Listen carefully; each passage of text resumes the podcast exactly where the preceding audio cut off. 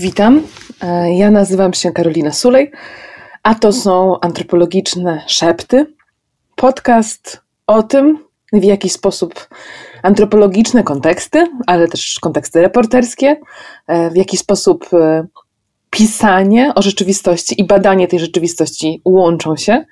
Podcast jest współprodukowany wraz z wydawnictwem Czarne I e, w każdym odcinku prezentujemy kolejną książkę z tego wydawnictwa, która staje się pretekstem do rozmowy o jakimś fragmencie rzeczywistości. W tym odcinku będzie to bardzo szczególny fragment, a raczej bardzo szczególna e, linia, linia graniczna. Granica Polski, Białorusi, granica Unii Europejskiej i konflikt na granicy, który w tym momencie się dzieje, wobec którego większość z nas czuje się bezradna, bezsilna, e, woli nie patrzeć, odwrócić wzrok, a jeśli już patrzy, to zwykle nie za wiele jest w stanie dostrzec.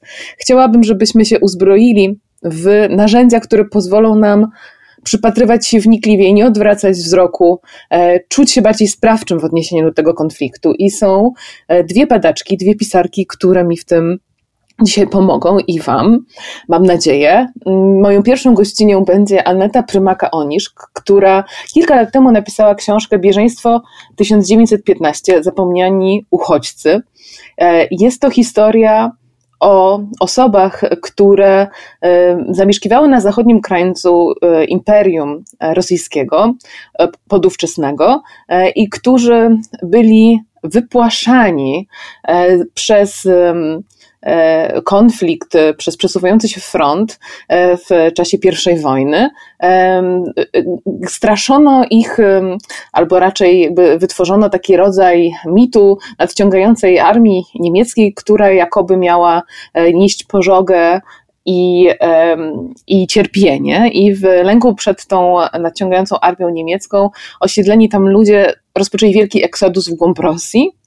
Potem zaś e, rozpoczęli wielki eksodus z powrotem, kiedy sytuacja polityczna zmieniła się drastycznie o 180 stopni i na ich dawnych terenach e, zaczęła powstawać niepodległa Polska. Ta opowieść brzmi zatrważająco aktualnie i Anna Prymaka, dziennikarka, która publikowała w wielu gazetach w Polsce e, i nie tylko że tak powiem, swoim zawodowym życiem, ale też swoim życiem prywatnym e, jest, e, e, zaświadcza o, o tym, jaki jest ten region opowie nam o swojej książce w nowym kontekście tego, co dzieje się na granicy, w czym także znajduje się geograficznie, prywatnie, mieszka.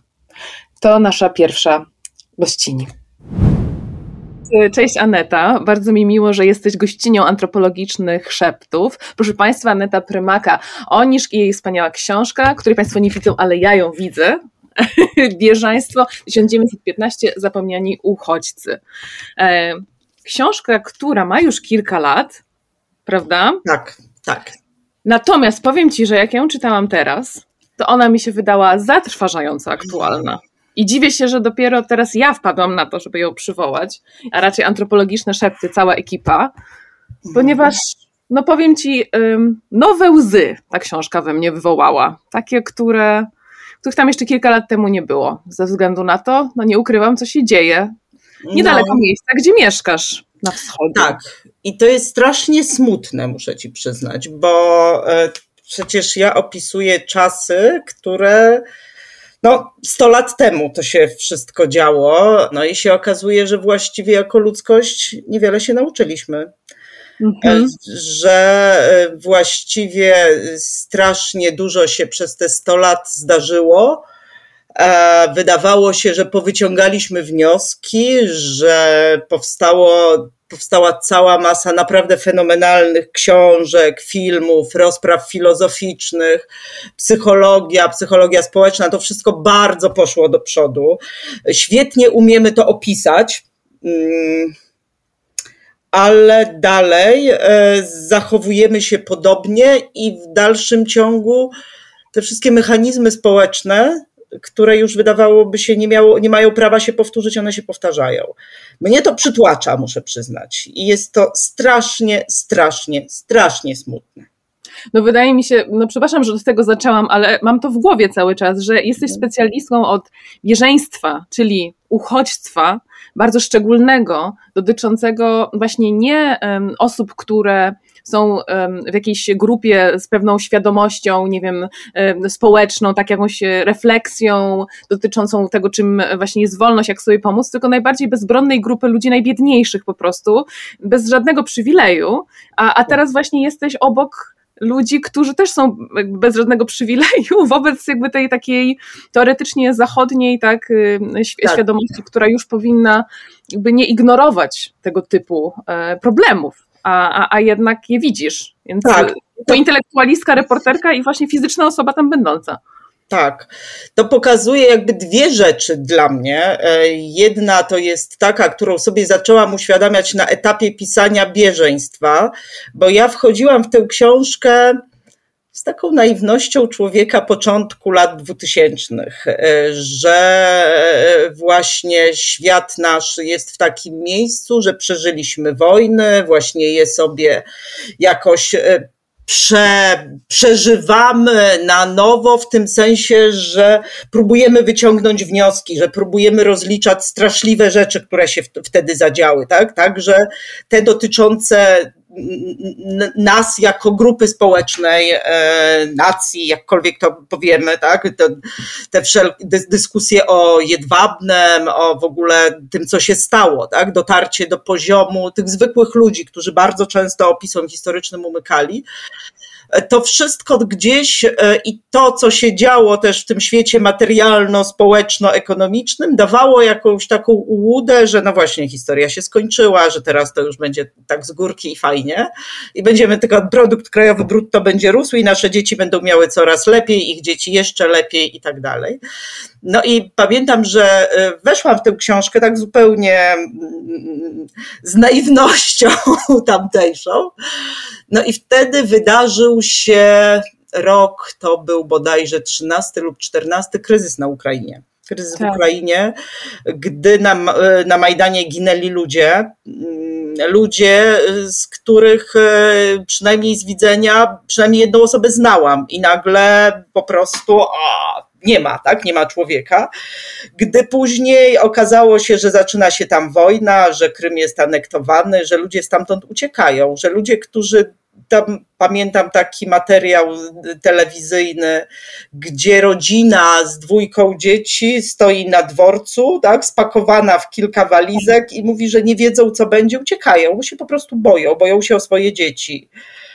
E, I to było, to było, no mi, mi wtedy trochę zamarło serce, bo ja zobaczyłam obrazek ten, e, który, z którym miałam do czynienia jako z obrazkiem historycznym. Tak. tak? Czymś, co opisywałam. Że okazało się, że to jest tu, o, tuż obok. Tak? tak. E, bardzo blisko. Później zaczyna się tam wojna. Mm, później e, zaczyna się ten kryzys imigracyjny e, na Morzu Śródziemnym, gdzie morze wyrzuca mm, ciała dzieci. I ja po prostu truchlałam coraz bardziej, bo to był taki obrazek, który znałam właśnie z historycznych opisów, gdzie matki topią swoje dzieci, idąc przez te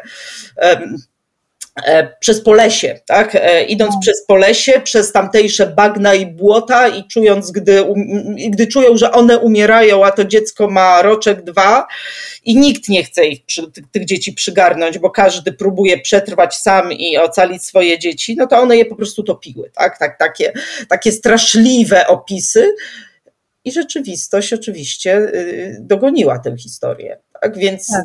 to dla mnie to było chyba najbardziej bolesne z pisania tejże książki. Ta świadomość, że, że wcale nie jest tak, że moje dzieci już będą wolne od tych obrazków, że to sobie właśnie poczytają w mojej książce, jak to kiedyś, jak to kiedyś ich pra, pra babcia tam sobie e, przeżywała straszne historie. Mm, tak. I już wtedy mm, pamiętam takie spotkanie, mm, które zorganizował Dom Spotkań z Historią ze współczesnymi reporterami opisującymi e, kryzysy uchodźcze. I myśmy tak sobie rozmawiali, opowiadali, i okazało się, że to są dokładnie te same obrazki i dokładnie te same mechanizmy społeczne. E, tak. Że e, rzeczywiście mm, to, jak my jako społeczeństwo reagowaliśmy, jest w zasadzie takie same i ono dalej jest takie same. To znaczy lęk, to znaczy lęk, że, że, że właśnie y, taki lęk często sprzeczny, bo oczywiście pierwszy lęk, który był wtedy bardzo ważny, zabiorą nam tak. naszą żywność, będziemy głodować. Tutaj u nas to właściwie wypadało, wystarczyłoby trochę pomyśleć i ten lęk jest dosyć łatwy do, do obalenia, ale nie o obalanie lęków chodzi, nie? W tym, że idą po socjal, to mówimy dzisiaj, a wtedy oni szli po zasiłki, dlatego że nie chcą pracować, lenią się. Lenią się, dokładnie. Mm, tak. I e, później, oczywiście sprzeczny z tym jest e, lęk, że zabiorą nam naszą pracę on też jest, tak, że my mm, jakby no już nie będziemy mieli co robić, nie będziemy mieli z czego żyć. Później też te lęki, że idą przestępcy, wtedy pisano nie wprost, no bo takie słownictwo nie było dopuszczalne, że idą prostytutki i należy się martwić o te morale kobiet. Tam trzeba było się tym moralem kobiet zajmować, bo tam głównie kobiety szły. Teraz tak. idą mężczyźni, więc się tak troszczymy, że oni zepsują morale naszych kobiet, tak? Kobiet, dokładnie. Więc, więc, więc jakby te kalki były ciągle jakby bardzo widoczne i później, gdy już nas zaczął dotyczyć na początku lęk przed migrantami, przed uchodźcami, to, to ja ciągle miałam takie poczucie déjà vu. No mm-hmm. i mhm. teraz, gdy ta rzeczywistość, no tego się trochę nie spodziewałam, tak, w tym wszystkim, że będziemy mieć do czynienia no, z taką powtórką, tylko ja będę w roli e, dosyć bezsilnego świadka mhm. wobec tego, co się dzieje. I że, no właśnie, że ci ludzie, którzy zostawiają swój świat, często są ludźmi wpływowymi jakoś, wy, wykształconymi, bo tak naprawdę idą bardzo często ludzie przedsiębiorczy, którzy e, osiągnęli coś na tyle, że są prześladowani przez różne tak. reżimy, tak, które ich tak. wyganiają. I nagle stają tak. się kimś takim jak ta moja prababka, która była prostą chłopką, z którą nikt absolutnie się nie liczył, nikt absolutnie. Tak. I jakby jak łatwo jest spaść tak? Jak, jak łatwo jest zostać kimś, kto jest zredukowany do najprostszych potrzeb. To znaczy, yy, główny lęk jest teraz taki, żeby nie umrzeć z głodu, pragnienia, no i nie zamarznąć. Tak, czytając Twoją książkę, to te obrazy, bo jesteś wspaniałą reporterką historyczką też dlatego, że jakby nie, nie, szukasz ucieczki w metaforę, ani właśnie w suche dane, tylko się zbliżasz do tego doświadczenia, tak, które jest ludzkie, materialne, tak by zmysłowe.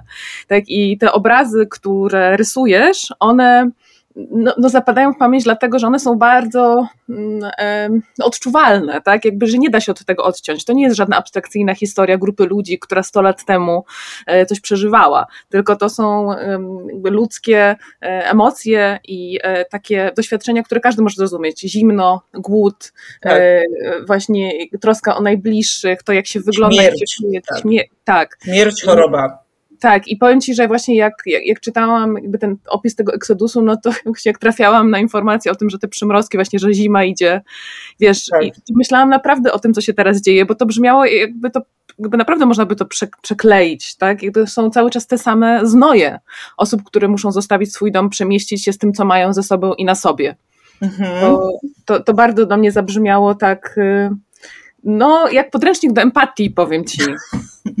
No, no właśnie, tylko smutne jest to, że ten podręcznik, y, no ja przeżywam kryzys, nie kryję, pokazujący, że te podręczniki do empatii, których trochę mamy, tak, trochę przez te 100 lat ich dopracowaliśmy się, że one nie działają. To znaczy, że one działają na ludzi, którzy już są empatyczni, e, mhm. którzy już czują. Oczywiście myślę, że jest jakieś tam zawsze grono, nie wiem, patrzę na sąsiadów, że y, różnych tu wokół, e, do których, e, jeśli już coś ma trafiać, to rzeczywiście takie empatyczne mm, e, odruchy, tak, że no właśnie, no jest zimno, a no oni właśnie. tam marzną. No tylko, że nad tym jest, jest jedna podstawowa różnica. Nad tym wszystkim jest tak zwana wielka polityka. Mm, tak jak wtedy. To jest dokładnie tak, tak jak wtedy. wtedy. Tylko, że wtedy polityka pracowała na korzyść tamtych ludzi. W tym sensie, że oczywiście był ogólny chaos, to było nieprzemyślane. Oni byli raczej przedmiotem niż podmiotem polityki, e, ale Imperium Rosyjskie, e, w ramach którego oni się przemieszczali, uciekając przed wojną i trochę e, ulegając propagandzie, która ich do tego no bezmyślnie zachęciła, tak?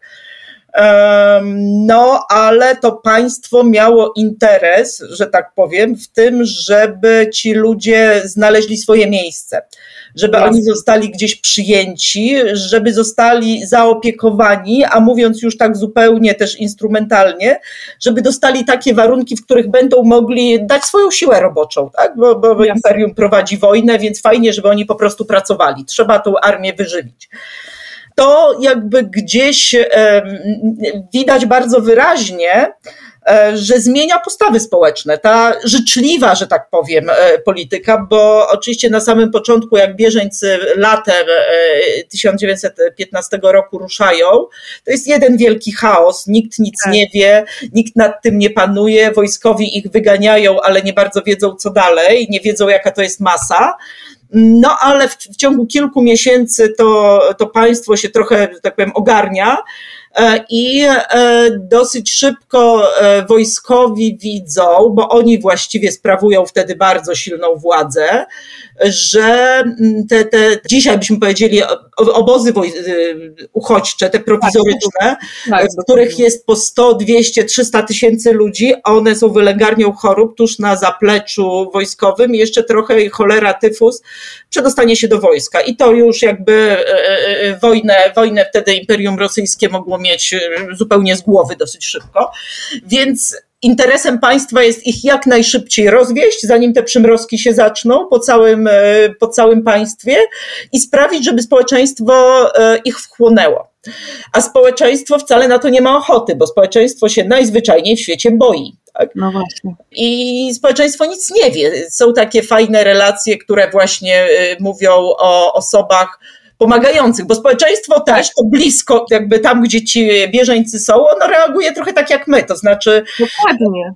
Te mhm. tak zwane e, kulturalne panie tam natychmiast się zbierają, kobiety, rzeczywiście bardzo często kobiety zbierają się, gotują, e, wystawiają ten gar zupy, mm, absolutnie tak, jakby to, to, to ta, ta sama klisza i figura, te, te rzesze ludzkie są nieprzebrane, więc nie sposób e, tutaj pomóc tak skutecznie, jakby się chciało, ale pomagają.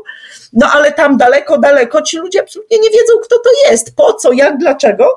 No i wtedy rozpoczyna się wydawanie, rozpoczyna się propaganda, tylko propaganda na korzyść, tak powiem, uchodźców, bo tak. E, są wydawane takie bardzo ckliwe, proste opowiadanka, książeczki za kopiejkę, dwie, albo rozprowadzane gdzieś tam po cerkwiach, e, tak. gdzie się tłumaczy, kim ci uchodźcy są w bardzo prosty, taki łopatologiczny sposób, że to są biedni tak. ludzie, Niemiec zły przyszedł, ten okropny Niemiec tam, nie wiem, zabił rodziców, tak. zbezcześcił groby koniecznie, tam zrzucił z ziem, z, ze stołu Biblię, która tam leżała, leżała w pobożnych rodzinach, no i biedne tak. dzieci w nocy uciekły i my jako społeczeństwo mamy obowiązek im pomóc.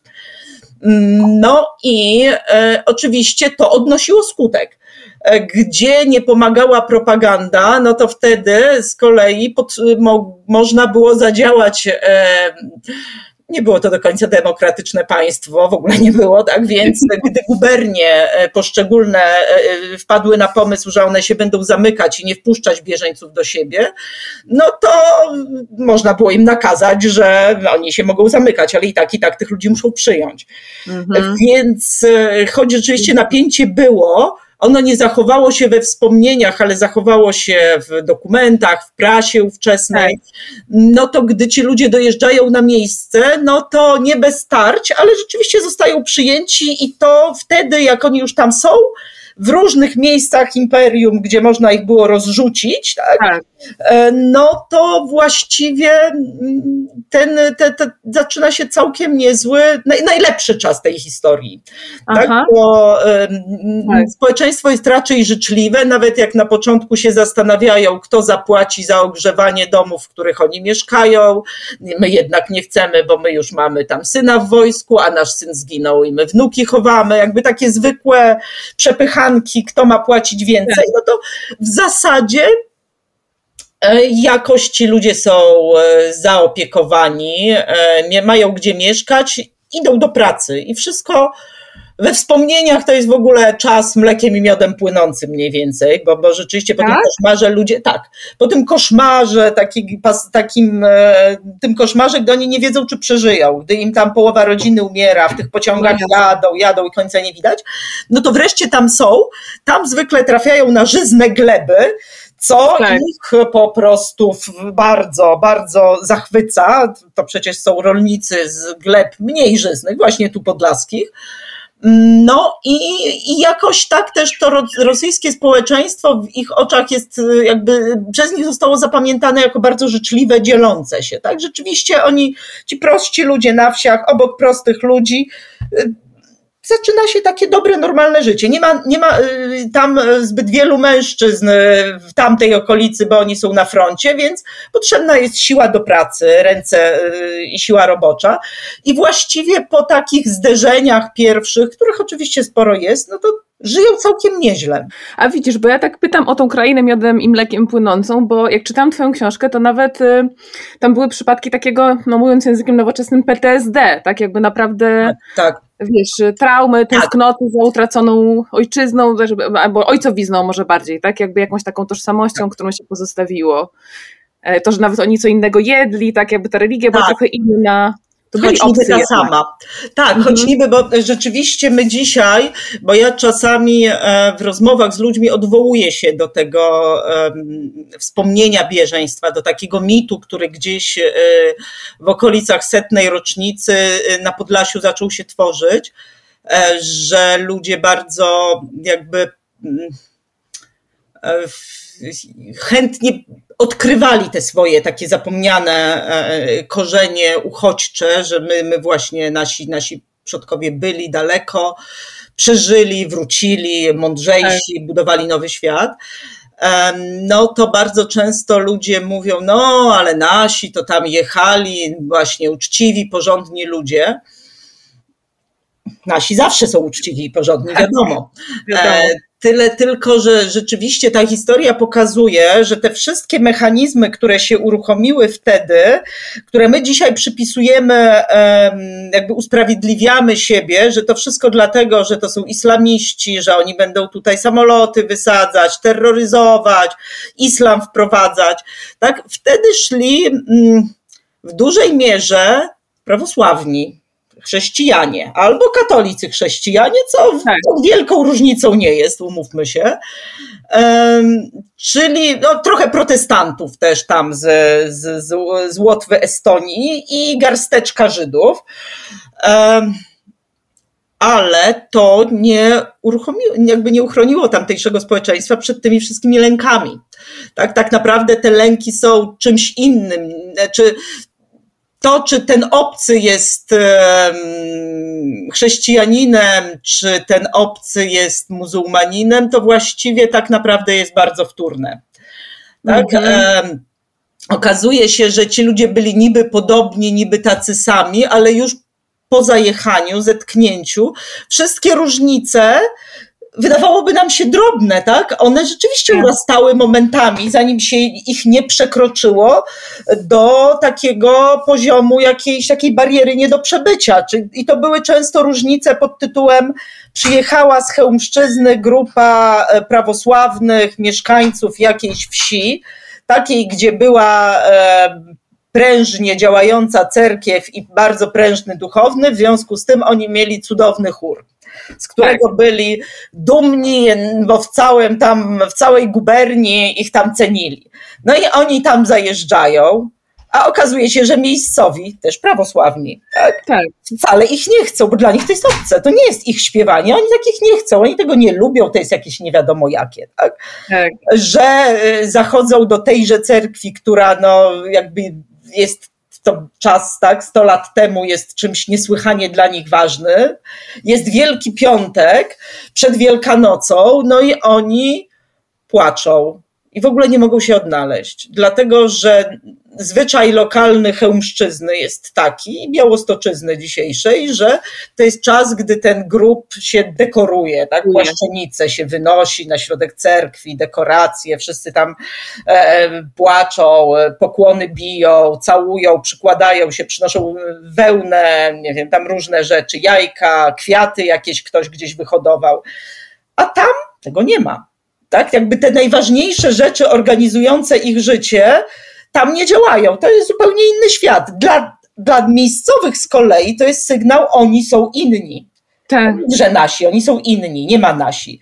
Różnice językowe, no wydawałoby się, no przecież mówią po rosyjsku, tutaj mówią po, po, ukraińsku, białorusku, polsku, gdzieś z podłomży. No nawet, nawet jeśli po polsku, to przecież to też jest część tego samego państwa, wszyscy i tak ten rosyjski rozumieją, żaden problem. No gdzieś tam, tak, poszczególne słowa, tam jakieś dziecko chce iść się topić, bo e, koleżanki, koledzy ze szkoły się śmieją, jak on mówi, więc dziecko chce się iść topić z tej rozpaczy. Tak? Jakby to tak, tak, naprawdę nie chodzi o rangę problemu, tylko te wszystkie mechanizmy my dzisiaj widzimy i mówi się, no bo gdyby to byli Ukraińcy, porządni ludzie, chrześcijanie, to nic, że greko albo prawosławni, oni w następnym pokoleniu już będą nasi, katolicy, tak? Tak, tak, tak dzisiaj mówią, co po niektórzy, no to my byśmy ich przyjęli, bo oni by chcieli pracować, a my ich nie chcemy, bo to są ci muzułmanie, oni tu przyjeżdżają wysadzać nasze kościoły. Tak, tak jakby jest. zawsze możemy to zinterpretować, ale mechanizm, znaczy zinterpretować inaczej, nazwać to inaczej, mechanizm jest ten sam. I, i twoja książka na, na przykładzie tej codzienności właśnie te mechanizmy tym bardziej uwidacznia, bo to są, tak jak powiedziałam, to są bardzo takie właśnie przyziemne, przyziemne sprawy tak zwane. E, to związane z tą małą historią kameralną, która nam się wszystkim dzieje nieustająco i właśnie polega na tym, że coś nam się podoba albo nie podoba u sąsiada, że mamy jakieś właśnie lokalne tematy czy konflikty albo wspólne sprawy i to wszystko bardzo e, wyraziście w Twojej książce wybrzmiewa. I, I tym bardziej jest e, przejmujące. I pytanie w ogóle, czy to może inaczej przebiegać. E, I, i, i wydaje mi się, że, że, że chyba rzeczywiście nie, i że ten dylemat, kto jest swój, kto jest obcy i, gdzie jest ta granica, gdzie się jedno kończy, a zaczyna drugie, no to to jest szalenie płynne i, i w pewnym sensie to, co twoja książka pokazuje na przykładzie tej jakby niesamowitej grupy ludzi, która najpierw musi uchodzić, a potem powraca, to pokazuje, że tożsamość no jest bardzo podatna na politykę i o, w pewnym sensie bardzo doraźna, bo jesteśmy tak przyzwyczajeni, że kimś tam jesteśmy, wszyscy tak sobie, a to wcale nie jest takie dane jest, raz na zawsze. Nie jest dane raz na zawsze i nie jest takie odwieczne, jak nam by się chciało. E, jakby nam się chciało dzisiaj e, to tak interpretować, bo my tam tacy, a tacy z dziada, pradziada, babki, prababki. Mm a to po pierwsze się zmienia, e, wpływa na, na, na, na, na to cała masa rzeczy, których doświadczamy, ale no wydaje mi się, że czy to zawsze musi tak przebiegać, tak? że te wszystkie mhm. mechanizmy takie agresywno-obronne się uruchomią. No wydaje mi się, że właśnie to jest strasznie podatne na politykę, tak? Że, mhm. że mm, jakby ja to widzę tutaj, teraz i to jest strasznie bolesne, e, jak się postawy ludzkie zmieniają e, w zależności nawet nie tyle od tego, co zobaczyli w telewizji publicznej, ale no na przykład, nie wiem, te obrazki z Kuźnicy, gdzie tam e, bitwa, tak, tak zwana bitwa pod Kuźnicą, jakby gdzieś część ludzi postawiła za absolutną ścianą, do której nie dociera żadna empatia, tak? Jakby zmieniło coś, co ja mam wrażenie, że już tak trochę miękło, że już ludzie rzeczywiście czując nadchodzącą zimę, nawet jak są zwolennikami jakby e, bardzo antyimigranckiej polityki, jak są zwolennikami tego, że, że, że tam Polska narodowa, czy tam jakakolwiek, tak. E, ale no jak, jakby bardzo byli przeciwni, no to czuć czuć było, no tak, no tak, rzeczywiście tu trzeba ostro, ale to przecież są ludzie. To, to, to gdzieś tak miękło, mhm. a nagle pojawia się coś, e, co jest bardzo mocno podlane takim sosem propagandowym, tak? Kilka no. haseł, obrazków, działań. E, i, i, i, jakby wszystko się zmienia i te postawy ludzkie się radykalizują albo no się rozpuszczają. Tak, tak? tak to, to ma sens, że tych dziennikarzy nie wpuszczano przynajmniej do tej pory, no bo dziennikarze mogą dać inną historię, tak? czy, czy opowiadacze innego rodzaju niż ci politycznie umocowani. Mogą dać taką, która skłoni do może bardziej empatycznych decyzji tak? i e, refleksji. No jak ja oglądam mhm. zdjęcia, które są w twojej książce, które odkryłaś w archiwach, w bieżeństwie, niesamowite są te fotografie, zresztą one mnie też bardzo odsyłają do tych obrazów z lasu, które mhm. napływały z granicy, wiesz, właśnie ludzi, którzy siedzą na tych tobołkach, e, dzieci, e, tak wszyscy okutani, mają wszystkie rzeczy, które mogli zabrać ze sobą, właśnie tacy nigdzie, trochę przestraszeni, trochę tacy jakby zdziczali, troszkę jakby tacy już straumatyzowani. Obojętniała, tak? To no. też widać, to, to straszne jest, takie zobojętnienie w pewnym no. momencie, które no. przychodzi i już troszkę ludziom się robi wszystko Powiem jedno. Też, że nie mogę zapomnieć tego, co powiedział tam chyba dyrektor jednej szkoły, jak, jak tak jeden go prosił wolontariusz, który tam pomagał tym, tym e, bieżeńcom e, i już mu nie wystarczało rąk i chciał, żeby uczniowie ze szkoły tak. jednej pomogli i ten dyrektor powiedział, że tak, to jest takie straszne, że to już można tylko zamknąć oczy, nie? Coś takiego tak, powiedział. Tak. I mam wrażenie, że to też jest e, trochę to, co dzisiaj się dzieje. Nie, że to jest takie straszne, że ja już tego wolę nie oglądać, mhm. że dużo ludzi po prostu nie chce tego w ogóle nawet zacząć się oddawać refleksji na ten temat, bo to jest dla nich tak trudne, że wolą się od tego odwrócić i uznać, że jakby to też świadczy przecież o ich wrażliwości, że oni po prostu, wiesz, nie mogą. Mhm, bo to jest rzeczywiście trudne, bo to e, gdzieś e, ja mam wrażenie, że teraz po tych trzech miesiącach to e, coś, czym się nigdy nie zajmowałam aż tak mocno, bo wydawało mi się to być łatwe i takie nieciekawe, czyli bezsilność. Aha. Bezsilność. Myślę, że teraz gdzieś tutaj my zwłaszcza, ale nie tylko my, bo w dobie internetu to właściwie świadkami obserwującymi równie dobrze jesteś ty i ktoś pod Szczecinem, Wrocławiem, Gdańskiem i Poznaniem. Um, ale no, bycie blisko jakby wywołuje dodatkowe e, emocje, tak, że ta bliskość i ta, ta, taka namacalność, ale rzeczywiście to jest jakby rola, którą, której się nie poświęca wielkiej literatury. I też rola, z którą właściwie nie bardzo wiadomo, co zrobić. Nie, nie, nie sposób o niej nic po, powiedzieć mądrego. Tak? To, to bycie bezsilnym, takim świadkiem, który no co może? No może pójść do lasu i pomagać, ale nie wszyscy mogą, z różnych powodów, tak? No bo po pierwsze nie mieszkają w strefie chociażby, albo mieszkają w takim miejscu. Ja tu mam takie miejsce wokół siebie, gdzie chociaż mam lasy, ale tu nie idą raczej uchodźcy ani migranci. Tak? Jakby nie, mhm. To jest taka trasa, którą bardzo trudno jest tu trafić, bo już w międzyczasie jest tyle przestrzeni wolnej, że zostaną ci ludzie wyłapani. Albo no jakby, no też nie każdy ma w sobie taką odwagę, żeby nocą wybrać się, tak więc jakby nie, nie można wymagać od ludzi bohaterstwa. Można ugotować zupę, ale właściwie już teraz jest chyba więcej, był taki moment, że było o wiele więcej chętnych do gotowania, a jakby trudno było to dostarczyć. Um, można no. czytać, e, można czytać w internecie, można obserwować, można wpłacać pieniądze, można dowieść, można, nie wiem, pomóc aktywistom czy tym, co chodzą. Tak. Ale to wszystko jest takie bardzo ograniczone, tak? I rzeczywiście w pewnym momencie przychodzą takie. Hmm, przychodzi taki kryzys, że zupełnie nie wiesz, co masz zrobić. Znaczy, czy moje dołowanie się i popadanie w coraz głębszą e, depresję z tego powodu ma sens, czy może jednak na jakiś czas trzeba się odciąć. Mhm, tak, ja przepraszam, że to mówię, bo to jest takie nie, dosyć sprzeczne z tym, o czym żeśmy zawsze myśleli, rozmawiali, pisali książki, tak? ale y, jakby ta, to doświadczenie bezczynności, bezradności i tego jedynego, co można, czyli udostępniać posty ze świadomością, że to trafia do mojej bańki, czyli do no przepisanych, tak. tak, jest naprawdę strasznie trudne.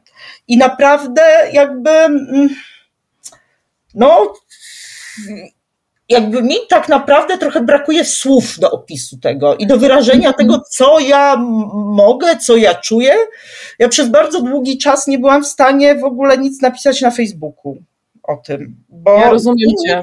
Inni piszą się, ci, ci, co są, co pomagają na co dzień, robią to w sposób wspaniały, tak? Jakby szczery, prawdziwy, więc jakby pisanie tutaj o swoim cierpieniu jest trochę nie na miejscu, no bo kurczę, moje cierpienia moralne przy cierpieniu w tym pięknym śniegu w lesie, to w ogóle jest jakieś śmieszne, tak?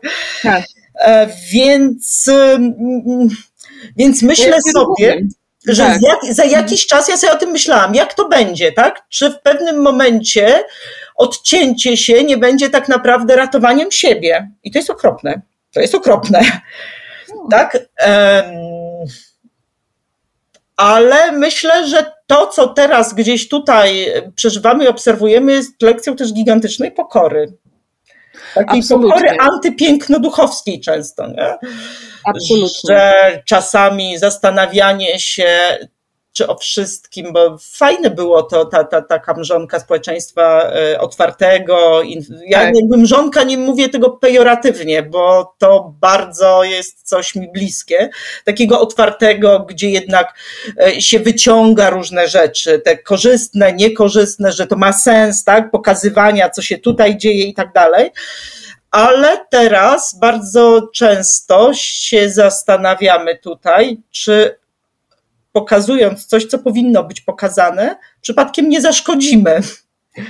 Tak? Przypadkiem nie, nie zaszkodzimy komuś, kto pomaga, nie zaszkodzimy tym, tym ludziom tutaj na granicy, nie zaszkodzimy tym często niejednoznacznym postawom służb. No, strasznie to jest trudne i strasznie zagmatwane.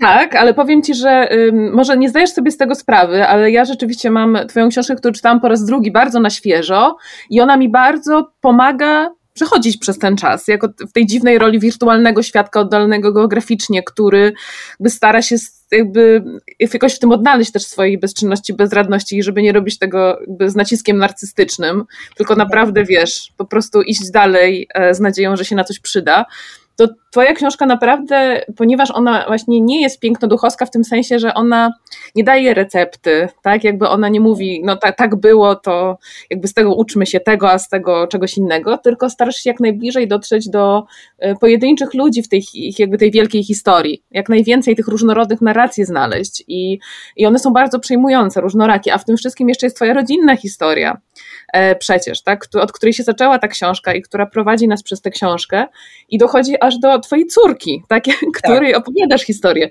To, e, jakby to sprawia, że, że książka, która przecież opowiada o tak wielkim obszarze geograficznym, o tych wielkich, po prostu ogromnych e, grupach ludzi, opowiada też cały czas o ludziach pojedynczych.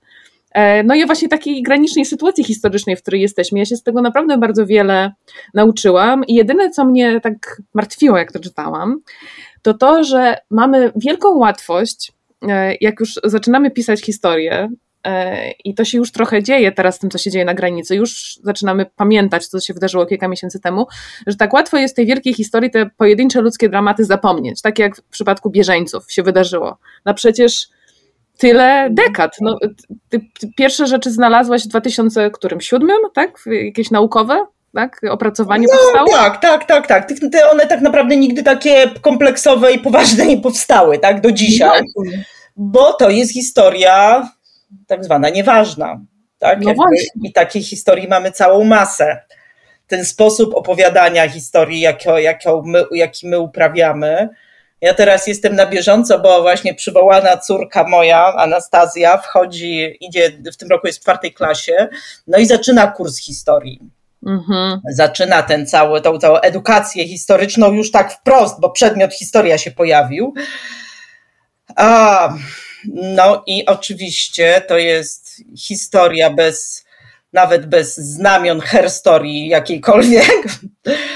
E, to jest też tam ci królowie i tak dalej, i tak dalej. I okej, okay, jakby rozumiem, że uczymy się historii państwowej, historii tworzenia państwa, ale gdzieś przez te lata też nie wypracowaliśmy takiej wrażliwości, jakby takiego wybalansowania, nawet zasygnalizowania, tak, że, że, że ciągle ci biedni ludzie są jeśli już oprócz tych tam królów, książąt, szlachty, tak. jakiegoś polityka i tak. generała w międzyczasie, zwykle facetów, to cała reszta jest taką masą tłuszczą, bez takiego podmiotowego podejścia. Ona jest raczej przedmiotowo traktowana, że no tam wykorzystany, wykorzystywany ciemny chłop i ktoś Dokładnie. tam jeszcze i ta, właściwie nawet chłopka się za bardzo nie pojawia, tak? Nie, żadnej chłopki.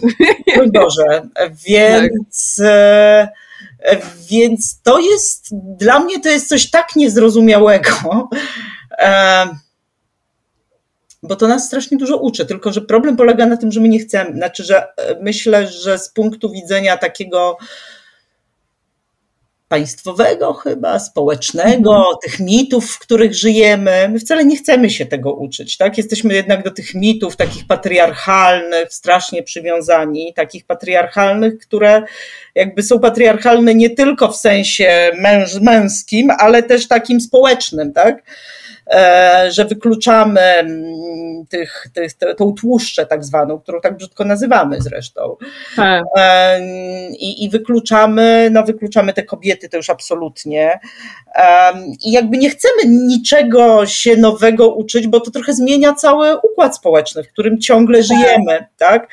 I tak. rzeczywiście napisaliśmy w międzyczasie bardzo wiele y, y, pięknych książek, gdzie te zwykłe historie wychodzą i one są przejmujące i naprawdę są takie, że e, no, tak? Jakby te, te, ta szkoła reportażu polskiego, który, który nam wielu cudownych tytułów się dorobił, no to, to się w ogóle nie, nie, nie, jakoś nie przekłada na te mity, które tak próbujemy powielać i tam ciągle ten Mieszko pierwszy i tam ten Lech, no nie, Lecha Wałęsy już coraz mniej jest, tak, no teraz mamy żołnierzy wyklętych i Jana No ale... Um, ale jest to dla mnie absolutnie takie zderzenie, no, które też obserwuję na mojej córce, no, no bo właśnie. ona rosła na osobę walczącą. E, tak. I ją, ona zauważyła to po przyjrzeniu podręcznika do historii na pierwszej lekcji, no to jakby w ogóle nie mogła sobie z tym poradzić. Mówi, mamo, ale dlaczego tu nie ma żadnych dziewczyn? Mm-hmm. Tak, ale no przecież ja mówiłam już panu, że to w ogóle nie jest taka pełna historia, no w ogóle o co chodzi. E, ale na to w szkole nie ma, jakby nawet nie wiem, jak, bo my tak trochę żyjemy, tak, że tu się tam czytamy książki, ale w szkole to wszystko musi być takie właśnie skostniałe, nawet ci nauczyciele wcale nie są tacy skostniali często. Prywatnie to są o wiele bardziej otwarte osoby niż to, co gdzieś tak ta, ten program nauczania tak prostuje i tu właśnie musi być taki tak. Mieszko I, Bolesław Chrobry, Krzywousty, tam Kazimierz Wielki, Odnowiciel.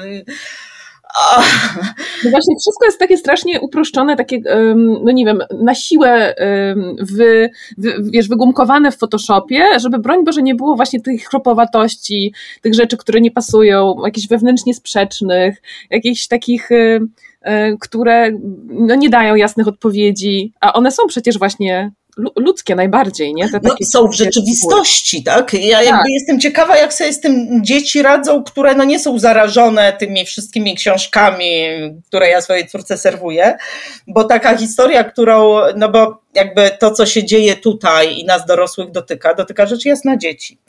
Tak. Więc e, dzieci od 1 września przynoszą historie różne, rozmawiają o tym, ale no, jedna z takich historii, która strasznie mnie jakby ubawiła, bo obok szkoły moich dzieci jest obóz wojskowy, tak? Jakby mhm. wojsko stacjonuje.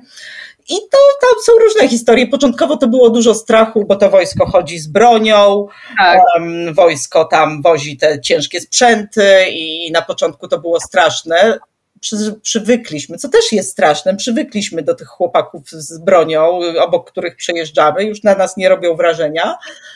Ale pierwsze dni, gdy na przykład chłopcy z klasy nastki, tacy bardzo zainteresowani historią, tacy fajni chłopcy, oczytani, ambitni, wyszli i patrzą, w tym obozie wojskowym przechadzają się dziewczyny w mundurach wojskowe.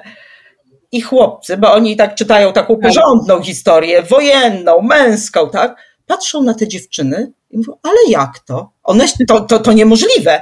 One się tam przebrały. No przecież nie ma kobiet w wojsku. Kobiety się do wojska nie nadają. Tak? Nie wiem, czy, e, czy, czy, czy w końcu stwierdzili, bo tam moja córka z nimi w jakieś rozmowy weszła i chyba one poszły gdzie indziej, ale że no właśnie ta rzeczywistość absolutnie nie pasuje do tej historii, którą one, oni słyszą także. Tak. Gdzieś się te rysy pojawiają, tylko ja mam niestety takie wrażenie, że ta taka dominująca mitotwórczo, taka, taka narracja jednak pomaga zamykać pewne tak szczeliny wypełniać tymi tam mitami. To prawda, tylko widzisz, ja mam taką teorię, że to jest takie zamykanie na siłę, to znaczy to jest wmawianie sobie, że my nie nosimy żadnych pęknięć, żadnej traumy, żadnych szczelin istnienia, jakby, że to jest takie, no koniec końców bardzo niezdrowe, tak? I że, I że raczej takie grzebanie za przeproszeniem w tej naszej historii polskiej, która jest historią graniczną, jesteśmy granicznym tak. państwem, tak? Jakby to, to widać bardzo z Twojej y, książki, także tutaj się działy ludzkie losy różnorakie mieszały się, to po prostu był, był kocioł i, i prostowanie tego na siłę, no nie dość, że jest niesłuszne, jest po prostu kłamliwe, tak, tak. to po drugie jest jakieś chyba bardzo nie, niedobre społecznie. Nie pozwala jest nam w ogóle... społecznie. nie straszliwe. Nic sobie zrozumieć, nic. Nic, nic. Nic, to jest jakby absolutnie straszliwe, bo gdzieś ta taka, takie przekonanie o takiej, e, Boże, jak to się nazywa, jednolitości nas, my, tak. naród, cokolwiek by to oznaczało, tak. my, tak, Polacy, e, my z korzeniami polskimi. To oczywiście jest jedna wielka bzdura, bo każdy, kto by chciał pogrzebać w tych korzeniach, no to dosyć oczywiście. szybko się zorientuje, że tam jest mieszanka bardzo fajna, tak? E, ale że też to, co my tam nazywamy polskością, to nasze babki i dziadkowie, e, chłopi w większości, nie ukrywajmy, to jeszcze 100 lat temu to nawet jak byli, jak byli inni niż katolicy, to w ogóle e, dłużej to trwało, nie, nie, jakby zupełnie inne tożsamości, ale nawet ten katolicki lud tak zwany, to on jeszcze po II wojnie światowej wcale nie był do tej tak. pory, tak? Jakby dla niego to co innego znaczy zaczęło, te kategorie, które my tak na siłę próbujemy tak. narzucić, tak. że tam granice zawsze były. No, prawda jest taka, i to też widać po naszych losach, że ludzie zawsze migrowali, zawsze migrują. E, zawsze się przemieszczają, jeśli w jakimś rejonie robi się dosyć paskudnie, tak jak dla tychże bieżeńców naszych, tak, tak. zrobiło się paskudnie i przede wszystkim zapanował dziki lęk, tak, dziki lęk, który jak się tak. okazuje niewiele miał wspólnego z rzeczywistością, to też jest tak. taki, taki jakby analogia do tego, co się dzisiaj dzieje, że my tak próbujemy oceniać, no mówią tutaj różni mędrkowie, no ale po co oni tu jadą, przecież powinni słyszeć słyszeć, że tu jest źle, u nich na pewno jest lepiej, oni na pewno nie są zagrożeni. No, jak się spojrzy rzeczywiście historycznie na to, e, na losy bieżeńców i tych, co pozostali i nie, jakby nie, nie, nie posłuchali propagandy i własnego lęku, no to e, oni jakby wygrali w tym, w tym, e, w tym wyborze, tak? No bo uciekali przed wojną, która dosyć szybko się przetoczyła i ten front nie był jakoś E, taki jak znaliśmy, znamy już z II wojny światowej, a później Niemcy przyszli, owszem było głodno, chłodno, zimy były straszne, eksploatowano ich, ale w ogóle żadnej eksterminacji tam nie było. Tak, żadnego obcinania cycków babom. Absolutnie nic z tych rzeczy, więc jakby my mędrkowie, którzy znamy historię, możemy powiedzieć, o jacy głupi, po co oni uciekali, żadni tam uchodźcy, przecież nic się złego nie działo, co to za uchodźcy, tak? No a tak naprawdę mm, my podejmujemy decyzje nie wiedząc, co się wydarzy. Dokładnie. Tak? Wydaje mi się, że to jest szalenie ważne. To nie jest tak, że my racjonalnie jakby piszemy swoją historię. To są zupełnie. Po pierwsze, ludzkie wybory nie są racjonalne bardzo często. E, po drugie, mamy ograniczony zasób danych, tak? na podstawie których to, e, te, te decyzje podejmujemy i z tych naszych danych, którymi uczciwie dysponujemy wtedy, wychodzi, że no najlepiej jest uciekać. Po trzecie, nie wiemy, co się stanie. Tak? No później, e, jak się zaczynała druga wojna przed właśnie jak się faszyzm rozpleniał, no to też byli różni, którzy mówili w społeczności żydowskiej uciekajmy, uciekajmy, uciekajmy, tak? No to niektórzy się pukali w czoło, no po co uciekać, tak? Historia tak. pokazała, że no właśnie warto było. Nigdy nie wiemy, jak się coś roz, rozejdzie, więc, więc gdzieś mnie ta historia uczyła pokory, której nam zwykle tak. brakuje w ocenianiu ludzkich wyborów. Tak, tak mówisz też w odniesieniu do tego, co się dzisiaj dzieje, że tej pokory powinniśmy się uczyć i myślę, że to jest bardzo ważna ważne pojęcie, żeby się nad nim zastanowić i, i, zastanowić się, co ono w tym kontekście oznacza. No ja będę wszystkim rekomendować przeczytanie twojej książki jeszcze raz, albo przeczytanie, jeśli e, tego nie zrobili. Polecam bo, również? Bo naprawdę, naprawdę bardzo wiele i o tym, jak się powinno mówić o historii i herstorii, i czym jest pamięć, jakby w jaki sposób kształtujemy pamięć o obszarze geograficznym, w którym się znajdujemy i tą tożsamość właśnie, która raczej jest płynna, migrująca niż jakaś przyszpilona e, i lepiej tak o niej myśleć, bo to lepiej nam zrobi na lęki i fantazje na temat różnych obcych. Tak. E, I nas samych też, bo my w sobie mamy też przecież części różne naszej tożsamości, które tak. nam bardzo ciężko za, zaakceptować, co tam przypłacamy różnymi e, dalszymi nerwicami. Tak, dokładnie, więc co by się uchronić albo przynajmniej mieć świadomość, to, to, to, to bardzo, bardzo polecam jeszcze raz e, Wieżeństwo 1915 e, Zapomniani uchodźcy, żeby byli mniej zapomniani i żeby w ogóle uchodźstwo zaczęło dla nas e, powiększać i pogłębiać to pojęcie i żebyśmy się nie bali, chociaż trochę się na tym zastanowić. Bardzo Ci dziękuję, Aneta, za Ja również. Dziękuję. Drugą gościnią podcastu Antropologiczne Szepty jest Magdalena Wnuk. Magdalena Wnuk, autorka książki Kierunek Zachód, przystanek emigracja, adaptacja polskich emigrantów w Austrii, Szwecji, we Włoszech lat 80. XX wieku do e, współczesności. E, i będziemy rozmawiać o tym, w jaki sposób y, my, Polacy, nie byliśmy w sytuacji, w której teraz się znajdujemy, czyli kraju tranzytowego bądź przyjmującego, ale byliśmy krajem, z którego wyjeżdżano, z którego szukano dróg do tak zwanej lepszej przyszłości, do lepszego świata, jak te drogi wyglądały, jakimi byliśmy migrantami czy e, uchodźcami. O tym opowiada Magdalena Wnuk, antropolożka kultury, badaczka migracji, doktor nauk humanistycznych w zakresie historii w Instytucie Historii PAN. Magdalena interesuje się progresami imigracyjnymi w Europie, problematyką narodu i etniczności i antropologią polityki i biurokracji, czyli e, wszystkimi tymi obszarami, które są nam potrzebne, żeby choć trochę zrozumieć to, co dzieje się na granicy, na tym obszarze, o którym wspominałam, że będzie dotyczył go e, nasz dzisiejszy podcast, nasze dzisiejsze rozważania. Mam nadzieję, że po rozmowie z Anetą, po tym kontekście historycznym, e, po, po tym reporterskim przyjrzeniu się aż po najdrobniejszy szczegół, jak może wyglądać e, życie ludzi wygnanych w drodze pomiędzy jedną a drugą tożsamością, że rozmowa z Magdaleną Wnuk z kolei określi nam tę perspektywę bliższą powiedziałabym tak, temu, e, co tak nam się wydaje drogie, czyli, czyli e, naszej narodowej tożsamości, oraz przybliży nam te systemowe rozwiązania, które można wprowadzić, żeby migrantów e, przyjąć, zaopiekować się nimi, posłać ich dalej. Mam nadzieję, że, że, że te historie przecież nie sprzed 100 lat, chociaż bieżeństwo brzmi naprawdę szalenie aktualnie, ale zaledwie 30 paru że one pokażą, w jaki sposób stan e, migracji, przemieszczania się po świecie jest naturalny, nieodwracalny, niepowstrzymany.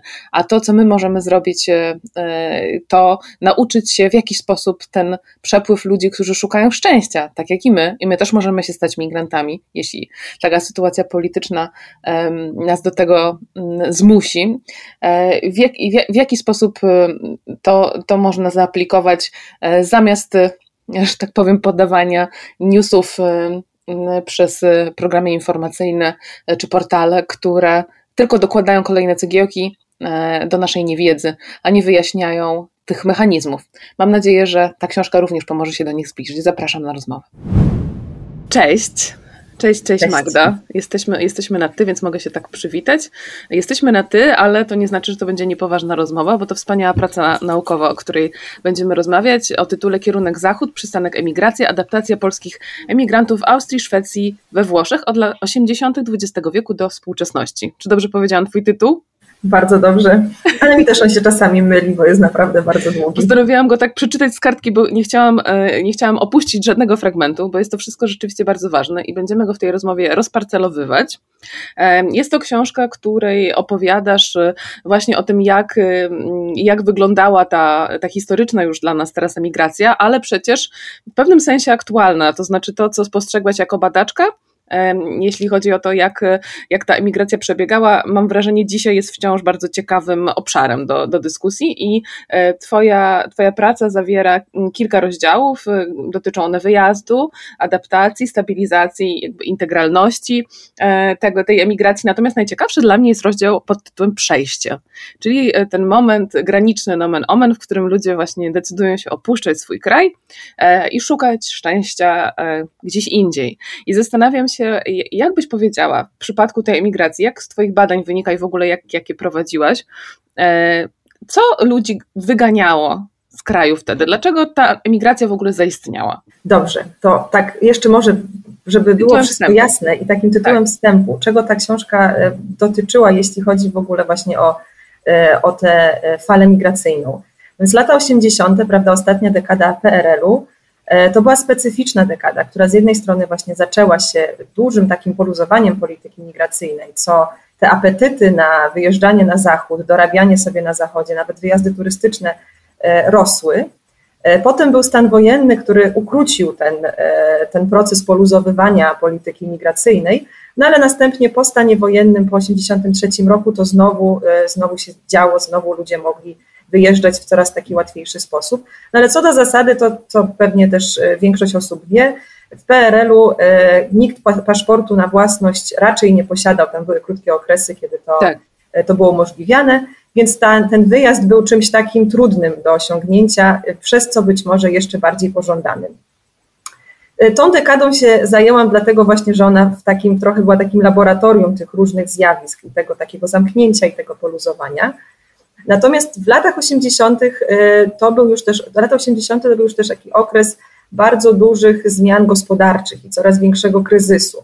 Więc te, oso- więc te osoby, którymi ja się głównie zajmowałam, y, które, które wyjechały w tamtym czasie, one przede wszystkim wyjeżdżały z powodów ekonomicznych. Mm-hmm. No istnieje taki mit y, emigracji lat 80., jako tej emigracji solidarnościowej, tak, wynikającej z prześladowań politycznych. Natomiast no, no, rzeczywistość jest taka, że z ogromnej rzeszy ludzi, którzy wówczas wyjechali, bo granicę e, przekroczyło na pewno co najmniej ponad 2 miliony.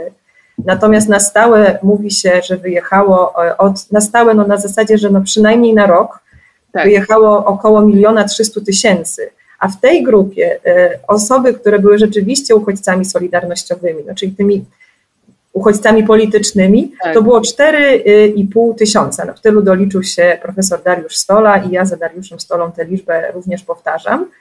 No oczywiście przez to, że dekada była specyficzna i że zaczęła się tym poluzowaniem, o którym wspomniałam, no to tak. można się domyśleć, że stan wojenny wprowadzony 13 grudnia 1981 roku, no musiał zaskoczyć przynajmniej część osób przebywających za granicą wówczas, czy to na wyjazdach turystycznych, czy na jakichś sezonowych takich e, wyjazdach migracyjnych e, zarobkowych.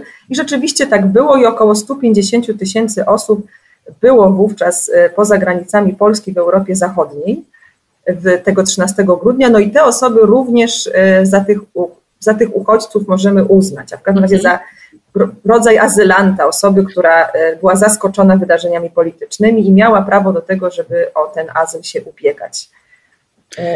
No właśnie, już na poziomie takiego słownika mm, to jest, mam wrażenie, interesujące. Migrant, azylant, uciekinier, takie jakby, jakie to były grupy ludzi, tak kto ma prawo w ogóle, żeby się tytułować, mm, jakby używać jakiegoś określenia i czy nie jest tak, że, że osoby, które emigrowały na przykład z poziomu e, problemów ekonomicznych, nie chciały być uznawane jednak za uchodźców politycznych, bo tak było łatwiej na przykład.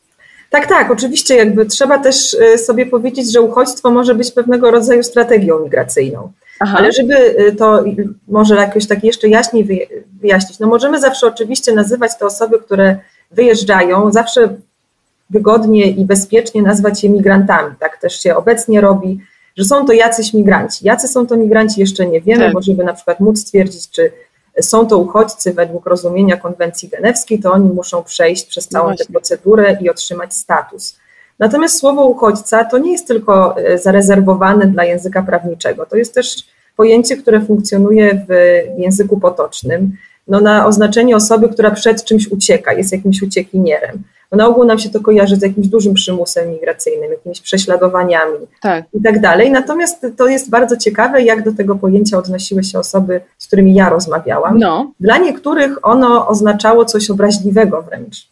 Ja miałam rozmowę z e, działaczem politycznym, który mówił, że on nie był żadnym uchodźcą, jak te rzesze, które na, po azyl się zgłaszały i w ośrodkach siedziały, bo w jakimś stopniu on się czuł tym obrażony, że można go w ten sposób traktować. Nie, on się świadomie zdecydował na emigrację, był działaczem politycznym, ciężko mu się w Polsce żyło, spotykał się z szykanami, więc wyemigrował i tak chciał o sobie mówić.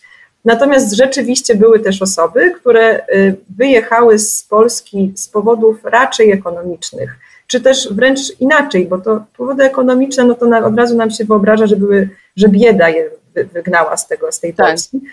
A tak naprawdę z Polski wtedy to co, wy, to, co wygnało tych ludzi w większości, to było jakieś poczucie beznadziei, tak. jakiegoś takiego braku perspektyw, niemożności rozwoju zawodowego, niemożności zakupu no, materialnych pewnych dóbr, które e, one zakupić chciały, tak. niemożności wybudowania domu e, w jakiś taki wygodny sposób, to to jakby powodowało głównie, że ludzie wyjeżdżali i często właśnie te osoby, tak zwani emigranci z beznadziei, e, wybierały strategię e, zalegalizowania się poprzez azyl, poprzez wniosek azylowy, mhm. co się w latach 80., a zwłaszcza na ich początku, zdecydowanie udawało. Czyli e, to dotyczy oczywiście tych krajów, o których ja piszę, czyli o Austrii, Austrii Szwecji i Włoch, ale również w, w RFN-ie, tak ludzie się legalizowali we Francji, w Wielkiej Brytanii. Polegało to po prostu na tym, że e, w przypadku stanu wojennego to w ogóle oni się zgłaszali po ten azyl i w zasadzie z automatu go otrzymywali, no bo stan wojenny to rzeczywiście była sytuacja niepewna, nie wiadomo było, co tych ludzi spotka w momencie powrotu, więc ci, którzy już za granicą byli, mhm. ten azyl dosyć gładko otrzymywali. Ale w późniejszych latach to bardzo często było tak, że osoby wyjeżdżały, zdobywały czy to paszport turystyczny, bo to często były właśnie jakieś no wyjazdy wycieczkowe, tak czy wręcz nielegalnie całkowicie wyjeżdżały bez paszportu, bo takie historie też mam, czy przez zieloną granicę, czy na fałszywych paszportach, e, czy, czy na jakimś takim paszporcie, e, który był błędnie wystawiony na wszystkie kraje świata, a nie na tylko kraje Związku Radzieckiego. No było dużo tych takich sytuacji jednostkowych. I one wyjeżdżały z myślą taką, że się zgłoszą po, po azyl, zgłoszą się po status, ale to, co dalej ich czeka, to prawdopodobnie to będzie Stany to będą Stany Zjednoczone, Kanada, mhm. Australia, RPA, bo rzeczywiście w latach 80. te kraje e, zamorskie współpracowały z e, biurokracjami e, tych wybranych przeze mnie krajów europejskich na tej zasadzie, że w ten sposób werbowali sobie potrzebną im akurat w danym momencie siłę roboczą.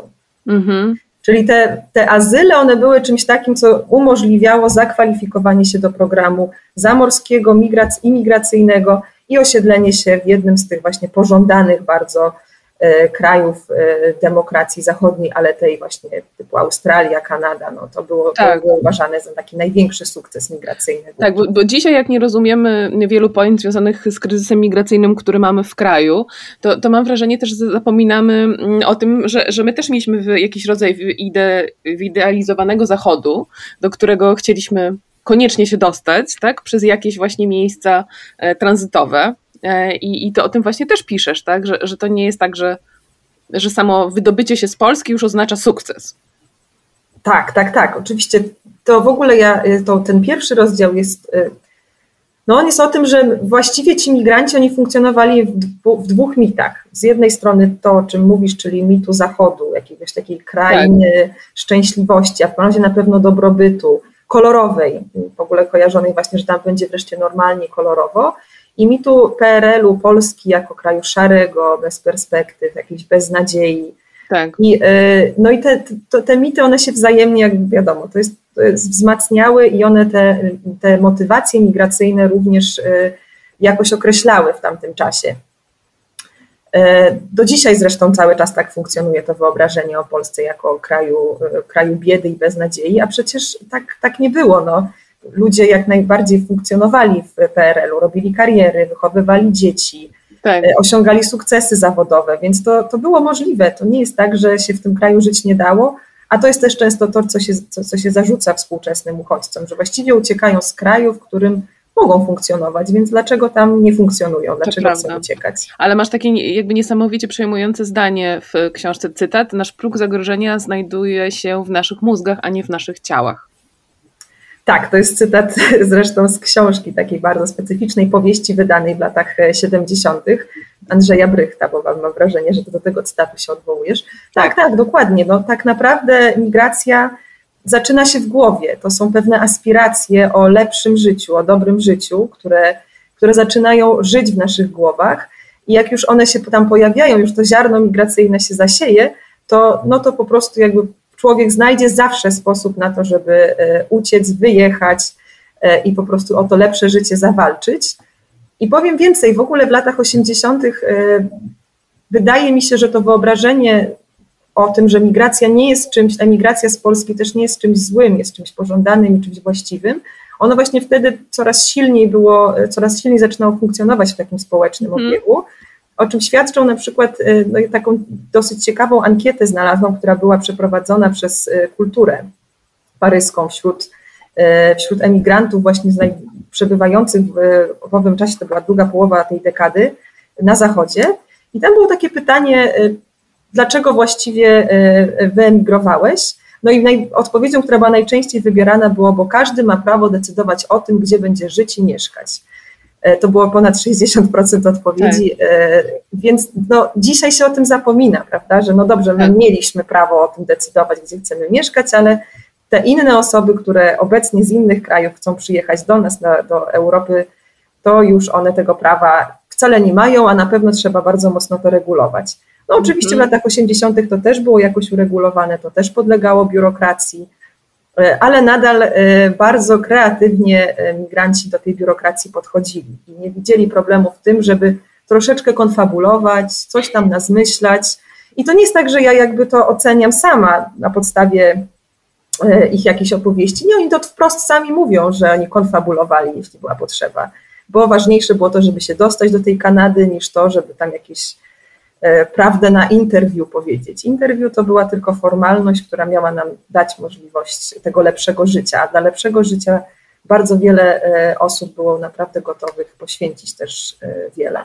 Tak, no to, to jest dla mnie rzeczywiście mm, bardzo taki ciekawy aspekt tego, jak, jak patrzymy na, e, na migrantów. To znaczy, zastanawiamy się e, tak z takiego bezpiecznego oddalenia, kiedy człowiek właśnie ma prawo zmienić swoje życie najlepsze i co to w ogóle oznacza, tak? Kiedy już jest tak źle, że może wyemigrować, kiedy może wyemigrować mężczyzna, kiedy może wyemigrować kobieta, kiedy rodzina. Staramy się jakoś to, nie wiem, zracjonalizować, e, poczucie zagrożenia, tak, czy, czy, czy szczęścia osobistego.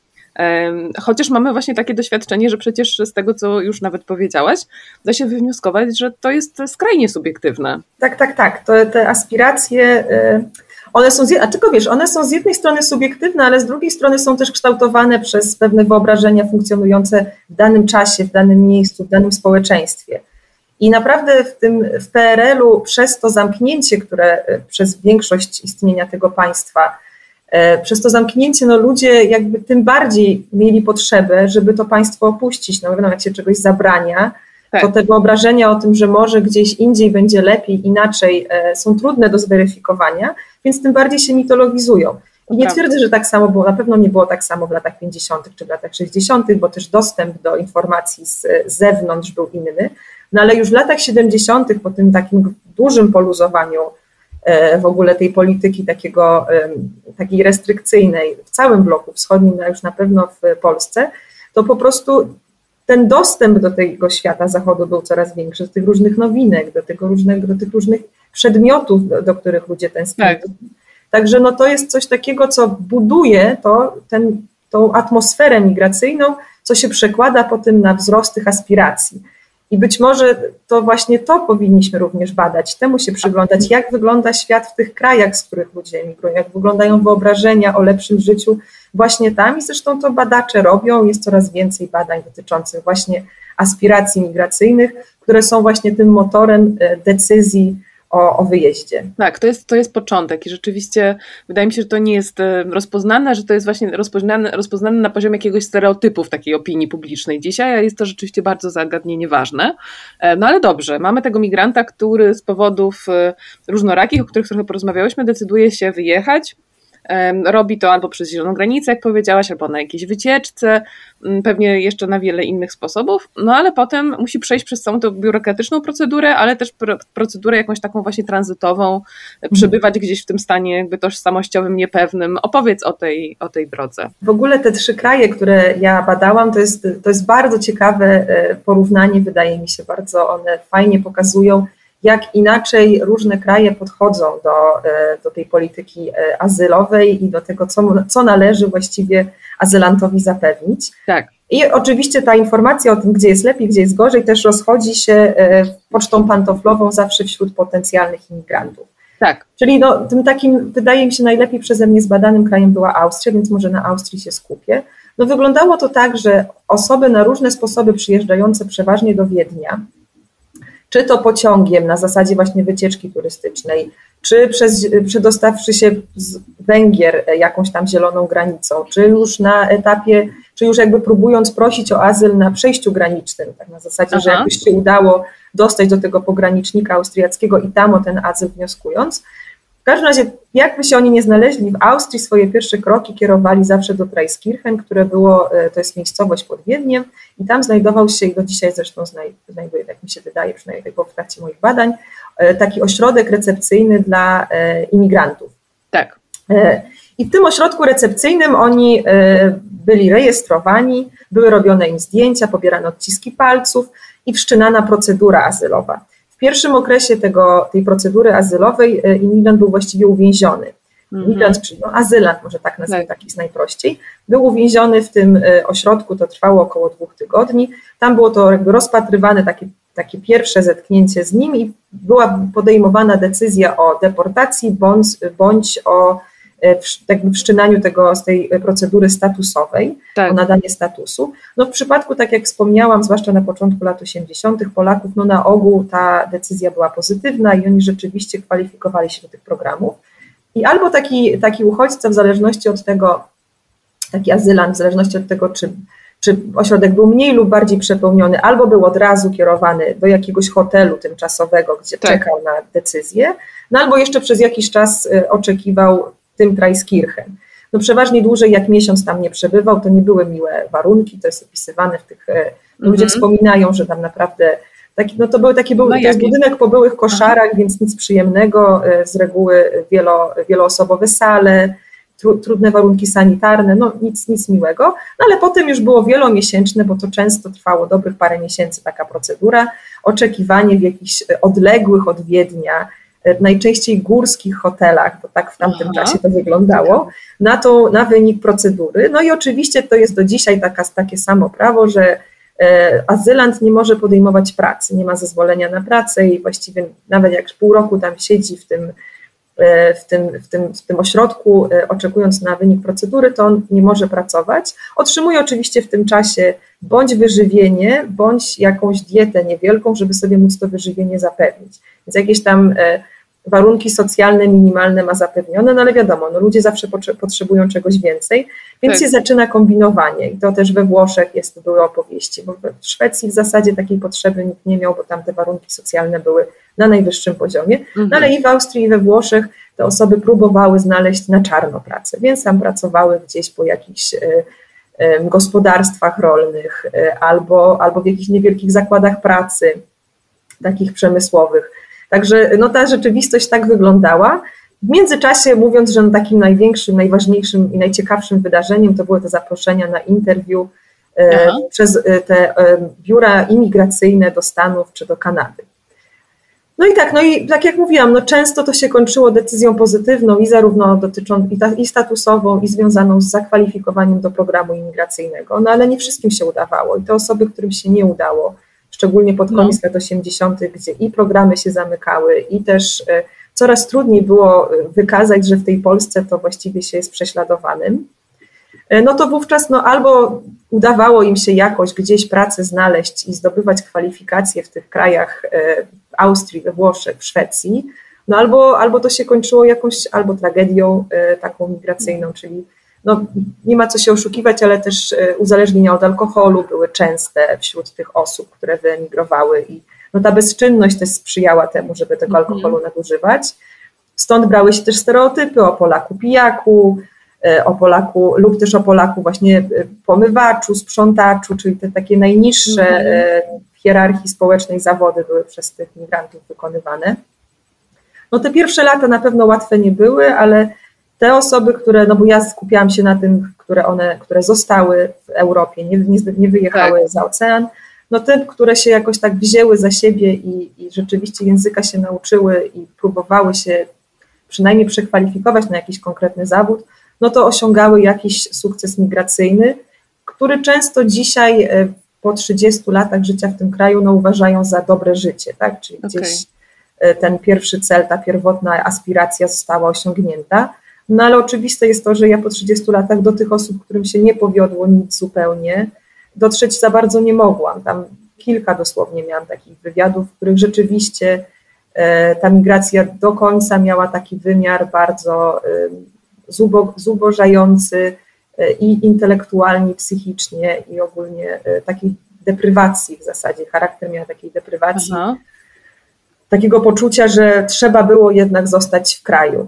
No tylko, okay. że to jest takie poczucie, które też odbiera sprawczość, bo tu trzeba było zostać, no ale już się nie zostało, więc tak się próbuje ciągle na tej emigracji coś osiągnąć, ale nadal się jest trochę niezadowolonym z tego mm -hmm. miejsca, w którym się znajduje. Ale to były jednostkowe przypadki bo ten okres takiego oczekiwania, on mi się wydaje bardzo ciekawy. Te, te obozy to jest jedna rzecz i to jest bardzo trudne, no ale potem te hotele to jest taka sytuacja też takiego stłoczenia w sumie, nie? Jakby takich przymusowych kolonii. Tak, tak, tak, zdecydowanie. Takie, to też odbiera taką sprawczość, takie poczucie w ogóle, że można decydować o swoim życiu. No ale to samo przeżywają uchodźcy współcześnie no dzisiaj, no że no, przez sześć miesięcy siedzą, no, siedzą w tych e, ośrodkach i nie mogą ani pracować, ani nie mają swoich pieniędzy, tak. za bardzo nie mogą nigdzie pojechać, bo często tak. też to się, te, ta procedura wiąże się z tym, że tylko w promieniu iluś tam kilometrów tak. można gdzieś tam wyjechać, e, gdzieś dalej, a tak naprawdę no za bardzo się nie da przemieszczać. No to tam było oczywiście tak samo. To też wydaje mi się, że sprawia, że ludzie popadają w taki marazm. E, mhm. Im dłużej ta sytuacja trwa, tym trudniej zwrócić do normalnego życia. Dlatego też y, te osoby, z którymi ja rozmawiałam, na, które były takimi przedsiębiorczymi jednostkami bardzo często, no one za wszelką cenę próbowały się na ten czarny rynek jednak jakoś wkręcić e, i załatwiać sobie tą pracę. I rzeczywiście to im się udawało i, i to, to, to nie jest tak, że to się nie da. Mało tego, były też osoby, które y, się zatrudniały w ogóle w organizacjach pomocowych, Aha. zarówno y, austriackich czy włoskich, jak i samo się organizowały w polskie organizacje takie pomocowe e, i jakąś taką, e, czy, czy, czy, czy pełniły rolę tłumaczy e, pomiędzy polskimi migrantami a biurokracją kraju przyjmującego, czy po prostu doradzały, gdzie się zaczepić, jak, jak załatwić sprawę w urzędzie, jak ewentualnie próbować taniej coś sobie załatwić, gdzie zamieszkać. No bo to tak. też trzeba mieć świadomość, że to była naprawdę duża grupa osób. E, w samej Austrii w 1982 roku azyl wnioskowało około 30 tysięcy. Mm. Więc e, natychmiast się pojawiała też taka infrastruktura e, i to migracyjna, czyli jakieś takie dziwne sytuacje, że całe budynki, całe jakieś stare takie budynki, które już nie były, nie pełniły funkcji mieszkalnej, one były przystosowywane do funkcji mieszkalnych, żeby można było tam wynajmować pokoje. I oczywiście ci ludzie byli bardzo stłoczeni, czyli te, jeżeli ktoś miał mieszkanie, to wynajmował mieszkanie dziesięciu osobom, nawet jeśli miejsce było tam realnie dla czterech. Tak. Także to i do, do, dzisiaj funkcjonuje, że migranci prawda, mieszkają stłoczeni tak. E, w mieszkaniach jakichś e, o, o, średnim bardzo standardzie i bardzo często tymi osobami, które im tę infrastrukturę zapewniają, są ich rodacy którym się już mhm. wcześniej trochę na emigracji powiodło i oni mogą e, wykorzystać. No jest tam też oczywiście trochę nadużyć, e, to się też nie ma co oszukiwać, ale nie tylko. No, czasami to jest taka też autentyczna e, samopomoc. A powiedz, jak wygląda kwestia tak zwanej życzliwości krajów przyjmujących, tudzież przepuszczających przez siebie migrantów? Czy narzekano na to, że jakby niechęć do przyjęcia obcych występuje, czy raczej właśnie taka takie odseparowanie się, czy takie życzliwe, wiesz, chlebem i solą? Wydaje mi się, że, że po prostu tych, po tych 30 latach y, wszystkie te wspomnienia nieżyczliwości mogły przyble, przyblednąć, mhm. przyblednąć, ale y, na pewno jest tak, że początek lat 80. to jest taka duża, duże współczucie dla Polaków za solidarność, za stan wojenny, za to, że tak walecznie próbują z tym reżimem y, się rozprawić. To na pewno i to, to, to jest wspominane i też pojawia się w opracowaniach naukowych, że rzeczywiście ten początek był lepszy. Natomiast no, druga połowa to już jest taki wzrost takiego negatywnego stereotypu, właśnie związanego z tym, że te osoby, którym się nie powiodło, one były widoczne na ulicach. Tak. I coraz bardziej e, jakby zaczynają być Polacy postrzegani jako taka problematyczna grupa imigrantów. E, natomiast no, raczej e, w żadnym z tych krajów nie, nie spotkałam się, no może poza Włochami, gdzie tam dużo emocji jest między migrantami w ogóle, a, a tym, a, a, krajem. Jest dużo takich wspomnień związanych z tym, że ci Włosi to i niczego nie ogarniają i nas też nie potrafili ogarnąć. No wiadomo, Włochy mają trochę inny sposób w ogóle funkcjonowania biurokracji i też trzeba, trzeba umieć się w tym odnaleźć. Natomiast Szwecja czy Austria nawet, ale Szwecja to na pewno no, są wspominane jako bardzo dobrze funkcjonujące kraje, gdzie wszystko jest na tip-top, gdzie problemów takich z biurokracją nie było. Natomiast no, na pewno była jakaś bariera, był dystans e, społeczeństwa przyjmującego, no ale ona była uznawana chyba bardziej częściej za coś kulturowego. Czyli no ze mhm. Szwedem wspominali moi rozmówcy, no ze Szwedem ciężko jest się zaprzyjaźnić po prostu, bo oni już tak mają. W Austrii Jasne. trochę łatwiej, no ale no poczucie jednak, że się jest kimś trochę, no kimś, kto nie, do, nie przystaje, pozostało do końca, I, I w tym ostatnim rozdziale, ja też, też przedostatnim, ja piszę o tym, że tam osoby, które wyemigrowały, no próbowały jakoś scalić tę swoją taką rozchwianą tożsamość tak. wynikającą z przebywania wiele lat poza Polską. E, w, i to, to scalenie nazywały taką hybrydą, czyli że mają taką hybrydyczną tożsamość, bo w Polsce już ich nikt do końca też za takiego pełnoprawnego rodaka nie uznaje, bo ty to jesteś Austriaczka, ty w tej Austrii 30 lat siedzisz, no ale jednocześnie w Austrii też y, wiadomo, że nigdy nie będą w pełni y, u siebie, więc taka hybrydyzacja tego, tego poczucia y, przynależności następuje i trochę się czują. Niektórzy to przepływają na coś pozytywnego, czyli że są tak mhm. jakby w dwóch kulturach, ale niektórzy czują, że im to coś odbiera, że ani tutaj, ani tutaj, taki rozkrok. Mm-hmm. No to jest bardzo ciekawe, zależy. szczególnie w dzisiejszym świecie, który też się miesza na innych zasadach oczywiście teraz i mamy inne lęki z tym związane i inne e, nadzieje zupełnie. E, natomiast to, co jakby dla mnie było budujące, to to, że mimo właśnie różnych zastrzeżeń co do tej machiny przyjmującej, no to jednak ta polityka wielokulturowości, tak, integracji do, działała. Tak? I tak sobie myślę, kurczę, skoro działała w latach 80., przyjmowano tak wielkie grupy ludzi, no to może my też dzisiaj opracujemy jakiś system, skoro teoretycznie wierzymy w postęp. No, no ja też bym bardzo tego chciała i też mam taką nadzieję, że to, że to jest możliwe. No ale trzeba pamiętać, że rzeczywiście wówczas dużym, dużo dawało to, że były te programy imigracyjne. Mhm. Czyli no, znaczna część tych osób, tych tysięcy y, uciekinierów z bloku wschodniego, no, Polska była przez pewien czas takim, no, taką, y, tym miejscem, skąd było najwięcej tych osób, no, że one jednak wyjeżdżały za ocean i się gdzieś tam rozpraszały po całym świecie. Jasne. A nie jest tak, że zostawały w Europie wszystkie. No ale niemniej no, te liczby są naprawdę ogromne i to jest e, ponad milion osób w ciągu jednej dekady z samej Polski, a oczywiście tak. z pozostałych krajów bloku wschodniego również e, były, była emigracja. I nie zapominajmy, że w tym okresie, pod koniec lat 80., zaczynała się już coraz bardziej taka masowa, jeszcze może nie, ale coraz bardziej liczna imigracja z krajów e, afrykańskich i z krajów środkowej Azji. Więc to też jest tak, że no, w tych ośrodkach dla uchodźców Polacy spotykali e, imigrantów z, z Iraku, z Afganistanu czy z Somalii. Tak. to, się, to się działo i dochodziło do jakichś takich międzykulturowych różnych e, konfliktów, no czasami zresztą bardzo tragicznych w skutkach, więc no nie wszystko tak można sobie opowiedzieć jako zabawną anegdotkę. No na pewno, na pewno te fale migracyjne, które się na siebie nakładają, no i to właśnie, że, że, że, świat jednak wcale się historia nie zakończyła i, i to, co sobie nawzajem tutaj politycznie i społecznie, gospodarczo e, robimy, wpływa na to, gdzie jest to nasze szczęście, tak? gdzie, gdzie je chcemy widzieć. E, I zastanawiam się, czy w ogóle zostałaś po napisaniu tej książki e, w fascynacji tym tematem migracyjnym i czy, czy Twoje badania jeszcze go dotyczą? E, to jest tak, że jak się chyba napisze taką książkę, to trzeba od niej odpocząć trochę. Mhm. E, I ja właśnie wychodzę chyba z tego, e, tego okresu odpoczywania. Ona została wydana w maju 2019 roku, minęło 2,5 roku i ja wracam. Znaczy w międzyczasie oczywiście też rozmawiałam o niej wiele razy, także nie jest tak, że całkowicie ją odcięłam, ale no faktycznie teraz powoli do tego tematu wracam i mam poczucie, że no to jest naprawdę nadal bardzo ważna historia do opowiedzenia.